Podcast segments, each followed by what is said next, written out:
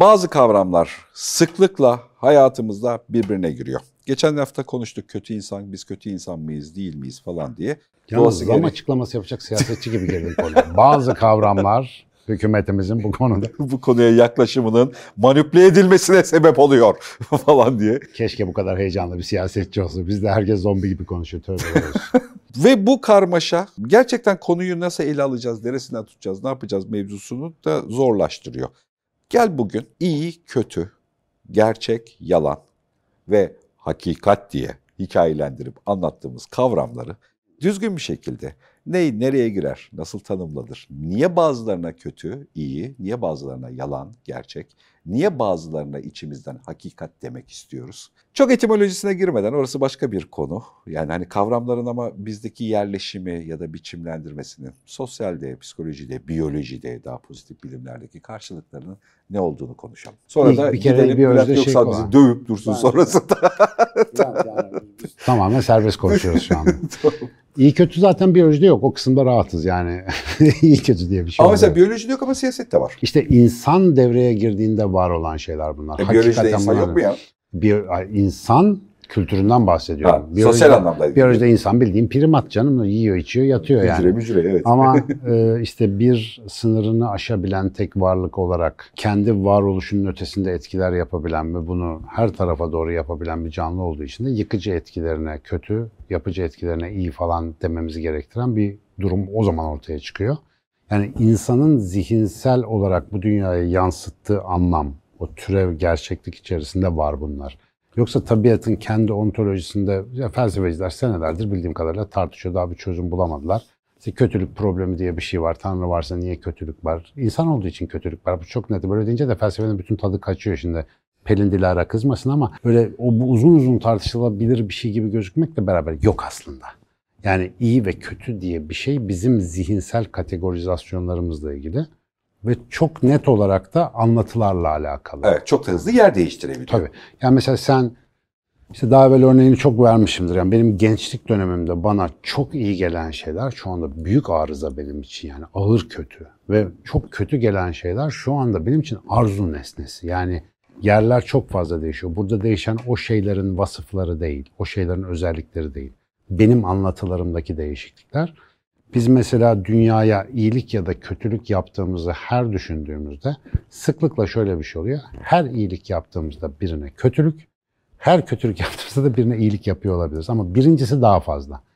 İyilik yapıyoruz zannederken yani birilerinin muhakkak ya hakkını gasp ediyoruz ya bir şey yapıyoruz. Çünkü mesela en iyi bilineni işte böyle ideolojik ya da dini anlatılarda vardır ya şunlar bizimkilerdir. İşte bunlara bir şey yap. Hatta ondan al buna ver. Mesela bu hayırlı bir iş gibi gözükür. E alıyorsun.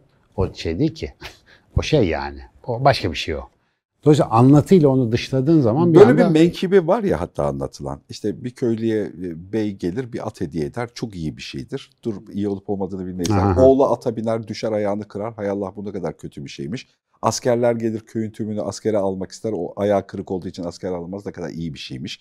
İyi ile kötünün kime göre hangi koşullarda ve hangi sürelerde geçerliliğinin olduğu durumsal. Durumsallığı anlayabiliyoruz öykülerle beraber. Ee, Biz zaten bak mesela bu öyküde ben onu ifade de alıntılamıştım. O diğer bütün köylülerin temsil ettiği şey ortak insanlık refleksi. Biz bir şeyi iyi ya da kötü diye ya da herhangi bir şekilde etiketlemeden rahat edemiyoruz. Evet. Ya ona bir etiket takacağız ki kararımızı verip ilerleyebilelim. Etiket takamazsak ne oluyor? İzleme halinde kalmamız gerekiyor. Onda kalmamız gerekiyor. Biz onda kalmak istemiyoruz. Onu aşmak istiyoruz. İşimiz var. Daha sosyal medya yetişeceğiz, e-maillere cevap yazacağız, bir şey olacak. Peki, o yüzden yapıştır etiketi geçsin. İyi de kötü de rahatla. Peki gerçek bir de iyi ve kötü kavramları anladığım kadarıyla ya da hani genel olarak benim de dıştan baktığım kadarıyla kişiyle daha ilintili gibi. Yani tabii inançlara bağlı. E, tabii inançlara bağlı ve kişilerle ilintili gibi. Yani iyi ve kötü kavramlarını kullanırken insanları kullanıyoruz. Yani kişilerin başına gelenleri ya da ola gelenleri. Ha, ona iyi, ona kötü gibi. Ona iyi, ona kötü, kötü ya da bir süre sonra değişiyor. Buna iyi, buna kötü falan gibi. Gerçeklerle ilgili baktığımızda ya da gerçekler yalanlar diye e, ha ne gerçek ne? Şimdi mesela gerçek meselesi benim biliyorsun arızalı mevzum. Yani bu gerçekliğin gerçek olmadığını 10 senedir en az anlatan bir adam olarak gerçek denen kavramın yine kişisel zihinlerde oluşan projeksiyonların sözün yettiği kadarıyla dile ifadesi gibi tanımlama eğilimim var. Yani sen şimdi mesela bir dünya tahayyül ediyorsun, bir algılıyorsun daha doğrusu ama bunun zihinsel bir temsil olduğunu biliyorsun. Fakat bu temsilin de her şeyine hakim olmadığı için onu da ifade edebildiğin kadar anlatıyorsun. Bununla ilgili ben bir örnek arıyordum. Geçenlerde ya bir YouTube programı ya televizyon programında enteresan bir egzersiz önerdi birisi. Dedi ki bir şey hayal edin dedi görsel olarak işte at, aslan, kapı, pencere bir şey. Sonra onu çizmeye kalkın dedi. Çizmeye kalktığınızda hayalinizin ne kadar yetersiz olduğunu göreceksiniz ve gerçekten ben bir at çizmeye çalıştım. Uçağa benzedi. Yani ben ama bayağı canlı zihnimde at yani işte koşuyor, kişniyor, şahlanıyor falan. Abi çizerken yok ağzı burnu bir tarafa gitti bir şey oldu. O imgeyi görüyorum zannediyorum. Dünya da böyle. Yani bir şey algıladığımı zannediyorum ama onu mesela detaylı bir akıl yürütme ya da felsefe ya da resmetme yoluyla tasvire giriştiğimde çoğu zaman çuvallıyorum. Çünkü dilimde, zihnimde yetmiyor. Zaten onu da doğru dürüst algılıyor değilim. Gerçek dediğim şey aslında bundan ibaret. Ve gerçekliğin gerçekliğinin sorgulandığı bir yerde neyin gerçek, neyin yalan olduğunu tespit etmek de çok ciddi zor zorlamamış. Ama biz hani buradan çıkalım, bu benim teorik alandan çıkalım. Bir şey gerçek ve bir şey yalan diye nasıl karar veriyoruz? Hilafı hakikat mi değil mi? Ne demek o? Var olan, herkesin üstünde konsensüs sağladığı işte bir sonraki kelime olan muhtemelen hakikate uyumlu olana gerçek, şeye de buna uyumlu olmayana da yalan diyoruz mesela. Hilaf-ı hakikat beyan yalanın eski adı, daha uzun adı. Şimdi peki bu bunun yalan olabilmesi için ne gerekiyor? Dışarıda gerçek dediğimiz o şeyin hakikate yakın ya da ona çakışık olması lazım. Hakikat dediğimiz şey nedir? Bütün zihinlerin üstünde ittifak ettiği, bu arada felsefi tanımı buymuş ve yalından öğrendim ben de bunu. Bütün zihinlerin üzerinde ittifak ettiği ortak veri kümesi ya da ortak şey, ortak varlık bütün zihinlerin gerçekten hemfikir olduğu. Bu masa mesela. Bu masa serttir. Herkes gelip dokunduğunda evet masa serttir. Masanın sertliği bir hakikattir gibi. Ama bizim mesela benim yetiştiğim kültürde hakikatin bir üst seviye daha kullanımı var. Gördüğümüzün ötesinde eşyanın hakikati diye bir şey var. Bu daha tasavvuf kültüründen gelen bir şey. Eşyanın hakikati de bizim hiçbir şekilde nüfuz edip e, deneyimleyemeyeceğimiz Platon'un şeyleri gibi işte ideaları gibi. Zaten o yüzden Neoplatoncular diyorlar İbn Arabi'ye falan. Bunların asılları. E şimdi ya bu erişimimiz olmayan bir yer olduğu için burası bunu felsefi ya da güncel dile indirip mıncıklamanın bir alemi yok. Bize bir faydası yok çünkü. Ama şuna inanabilirsin. Bunda hiçbir sıkıntı yok bence. Yani gördüğümüz gibi değildir bu dünya. Bunun ötesinde bu formların, biçimlerin ve davranışların bir işte şeyi vardır. Daha yüksek düzeyli varoluşu vardır falan. Ben de biraz bu neoplatoncu kafaya yatkınım yani düşünürken. Bunun gerçek olduğunu, birebir hakikatin kendisi olduğunu pek zannetmiyorum. Ama gerçek yalan meselesinin böyle kaypak algısal bir dünyada ciddi problemli olduğunu da düşünmemiz lazım sıklıkla. Mesela bir şey gerçek dediğimizde çok kişi tarafından gerçek kabul ediliyor olması yeterli kanıt olamaz. Mesela ilizyonlar çok gerçek görünür ama illüzyon yanılsamadır adı üstünde. Açlık gerçek midir? Açlık bir mesela hissiyat olarak vardır. Ama mesela çoğu zaman senin açlık sandığın şey susuzluktur. Su içince geçer mesela. Bunu diyetisyenler çok tamam, söyler. Ya da açlık ya da susuzluğu kendisi. Mesela bir hakikat midir? Şimdi işte hakikat yani, hangi yani, hangisine göre hakikat midir? E, serbest bir şekilde bu kullandığımız kavramları en azından yan yana e, birlikte düşünebilmemizi sağlayacak bir düzlem yaratmak. Yoksa bunların çok temiz ve literal şekilde sınırları biçimli bir şekilde yan yana konulamadığını biliyorum. Yani ortak kümeleri var, çok ayrıştıkları yerler var, başka durumlar var. Ama üreme isteğinin kendisi gerçek mi, hakikat mi, iyi mi, kötü mü? Yani var var. Şimdi işte bu, bunları mesela bu varlığın üreme isteğimizin sosyal hayatımızdaki etkisinin gerçeklikleri, iyi ve kötü halleri var. Acaba hakikat dediğimiz şey bu üreme isteğinin yani bu güdünün, bu varlığın kendisine ya da geçen kaplumbağaların hareketiyle alakalı dünyanın manyetik alanlarının kaplumbağa göçleri üzerindeki etkisiyle alakalı bir hikayeye baktığında. Yani gerçekten dünyanın manyetik alanlarının motivasyonu şeyi sağlıyor. Kaplumbağanın çok büyük bir hareketini sağlıyor. Kaplumbağanın hakikati derken aslında Yani acaba onun manyetik alanlarını yani dünyanın manyetik alanlarına adaptasyonunu mu söylemek istiyoruz? Hakikatle bu çok var. Bu bir mekanizma mesela. Ha yani, Yani an- manyetik alanla ilgili bir algılayıcın varsa o senin hareketlerinde bir sahik, bir nedensellik parçası olabilir. Yani bunu o söyleyebilirsin ama- kaplumbağanın manyetik alanıyla ilişkisi gibi benim de üremeyle bir ilişkim var. Benim biyolojik varlığımın Ama şunu üremekte. düşündürttüm bana mesela manyetik alanı keşfettim. Kaplumbağa yönlendirdiğini keşfettim. Kaplumbağa manyetik alandan türemiştir falan gibi böyle bir Yok anlatı hiç, oluşturmayı mı kastediyorsun? Yok hiç öyle bir şey kastetmiyorum. Aksine bir yukarı ve bir altı arıyoruz ya kavramlarla. Şimdi az önce iyi kötü insanlarla ilgili, gerçekler yalanlar, işte olaylar daha büyük hareketlerle alakalı. Hakikat daha evrensel bir şeydeki sınırlarla ilgili. Acaba diyorum sınırları zorlarken bizim üstümüzde altımızda makro evren ve mikro evrende fizikte olduğu gibi yavaş yavaş bizim bizim normal dünyamızın temel kavramlarının dışına mı çıkıyoruz acaba? Ha, sen şimdi vahdeti vücuta gidiyorsun kapatırlar kanalı. Yok. Şimdi şöyle. Girmiyor muyuz? Abi gerçek, yalan, bilgi, işte doğru bilgi, yanlış bilgi, enformasyon falan dediğimiz şeyler algı sınırlığıyla alakalı şeyler aslında. Şimdi bir bütün olarak evrenin, kozmosun kendisine baktığında birbiriyle ilintili olmayan, kuantum fiziğinden ödünç alacağımız ifadeyle dolanık olmayan hiçbir şey yok. Her şey tek bir patlamadan bugüne gelmiş fizik kurallarıyla takır takır çalışıyor. Yani senle ben arasında ayrım olmadığı gibi fizikte bilmem ne evrenin öbür köşesindeki bir takım hadiseler de benden bağımsız oluşmuyor. Çünkü biz hepimiz aynı köken sıfır noktasındaki bir varoluş başlangıcının ortak sonuçlarıyız. Böyle baktığında bütün nedenselliği biliyor olsan yani işte Laplace'ın cini diye o işte Hmm. e, karikatürize edilen evrendeki bütün parçacıkların her an pozisyon ve hızını bilen bir zihin her şeyi bilebilir ve her şeyi tahmin edebilir diye bir kurgu var ya. Öyle bir şey olsan o durumda zaten hakikat senin. Yani artık gerçek, yalan, yanlış böyle şeyler yok hayatında. Fakat bizim insan düzeyinde mesela şeyimiz, öğrenmemiz aşamalı, dereceli. Yani işte okullarda sınıf atlar gibi, ders üstüne ders alır gibi. Her gün yeni bir şey öğreniyoruz, her gün yeni bir şey keşfediyoruz. Her Bu- farkındalık bir, bir, bir, bir yeni bilgi sepeti kuşağı getiriyor. Yani biraz büyütüyor ki bazen de küçültüyor. Mesela bazı ba- yeni bir hikaye öğreniyorsun. O senin komple bir dürbün bakışıyla bir tarafa odaklıyor. Diyorsun ki artık aydınlandım bilmem ne oldum falan diye. Mesela gene bugün muhabbeti geçti enteresan. Hani bu coğrafyada doğup büyüyüp 40'lı 50 yaşlarına gelip Hindistan'a aydınlanmaya giden süper tipler var mesela. Ya abi bütün genetik kodun senin, bütün şeyin burada yoğrulmuş tamam mı? Dünya, algın, dilin, kültür her şeyin burada. Turuncu elbiseli rahip seni aydınlatsın diye gidiyorsun. Bunların da binde biri aydınlanınca bak çok güzel oldu oraya gittiler böyle yandılar geldiler.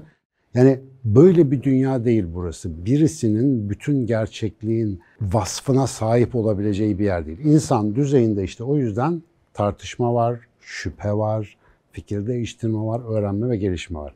Mesela bu konu bizim masamıza geliyorsa bence, benim bu konularla ilgili bütün o felsefi tartışmalardan çok metodik değil ama duyabildiğim kadarıyla takip edebildiğim ve çıkarttığım bir sonuç var. O da şu ki, ya bu böyledir kardeşim, bunu herkes bilir derken ne zaman yakalıyorsam kendimi dövüyorum. Tamam mı? Çünkü ya bu böyledir dediğin anda evrenin bütüncül nedenselliğine kapıyı kapatmışsın demektir. Bir insanın en çok kavga etmesi gereken şeyin kendi gerçekleri olduğunu düşünüyorum bak. Şu yanlıştır, bu yanlıştır ayrı bir konu. Onu, onu zaten senin için yanlış olması, senin için şunun doğru olmasıyla alakalı. Ya sen buna doğru dediğin için ona yanlış diyorsun. Dolayısıyla o doğrunla, gerçek zannettiğin o şeyle, hakikat budur dediğin şeyle kavga etmediğin sürece gelişemezsin. Çünkü o senin zihinsel konfor alanını oluşturur.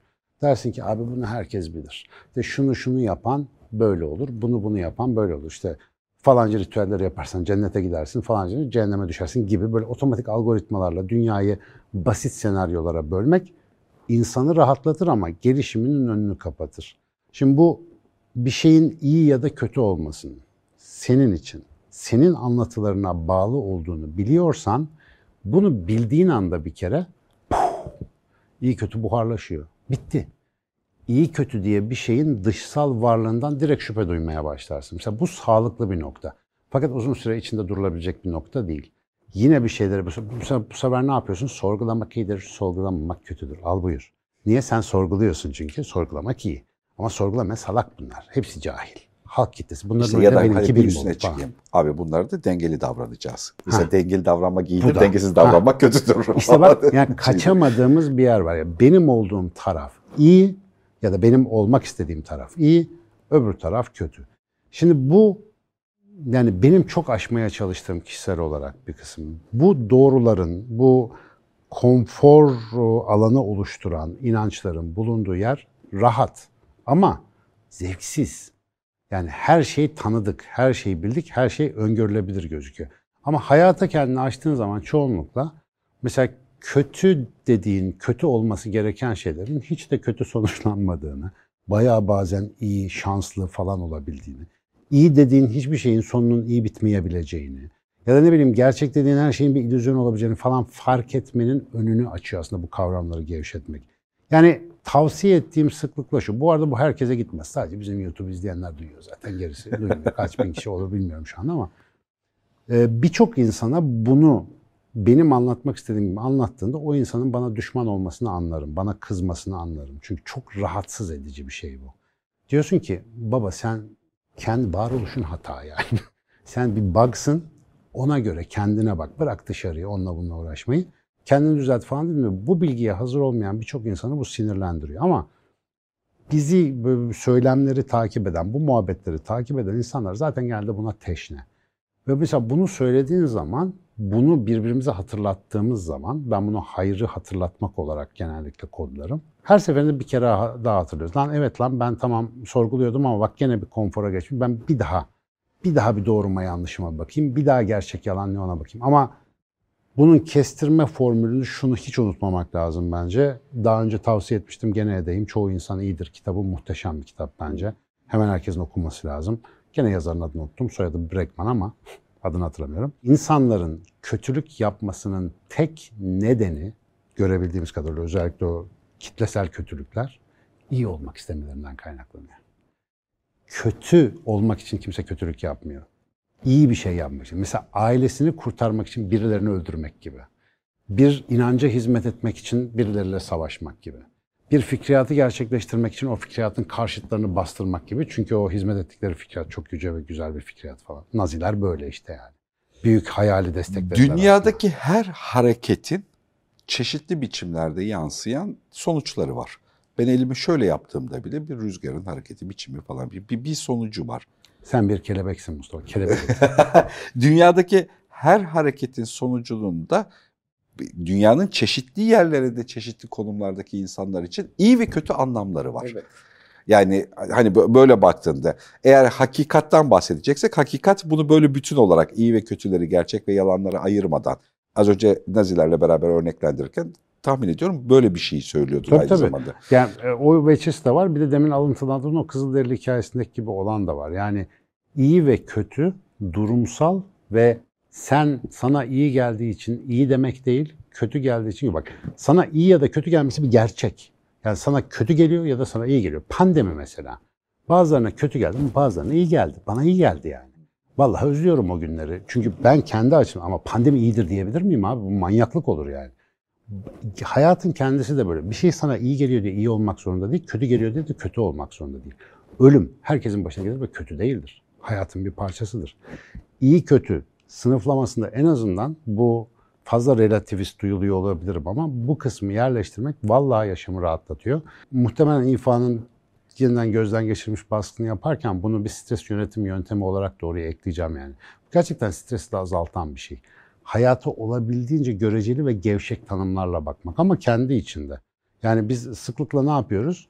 Mustafa diyor ki çok kötü bir şey oldu. Ben diyorum ben Mustafa nesi kötü bunun gözünü seviyor. Ona tabii teres atmak kolay. Gel kendine bunu söyle. Kötü bir şey olduğunda bunu kendine söyleyebilme becerisi senin stresini azaltıyor işte.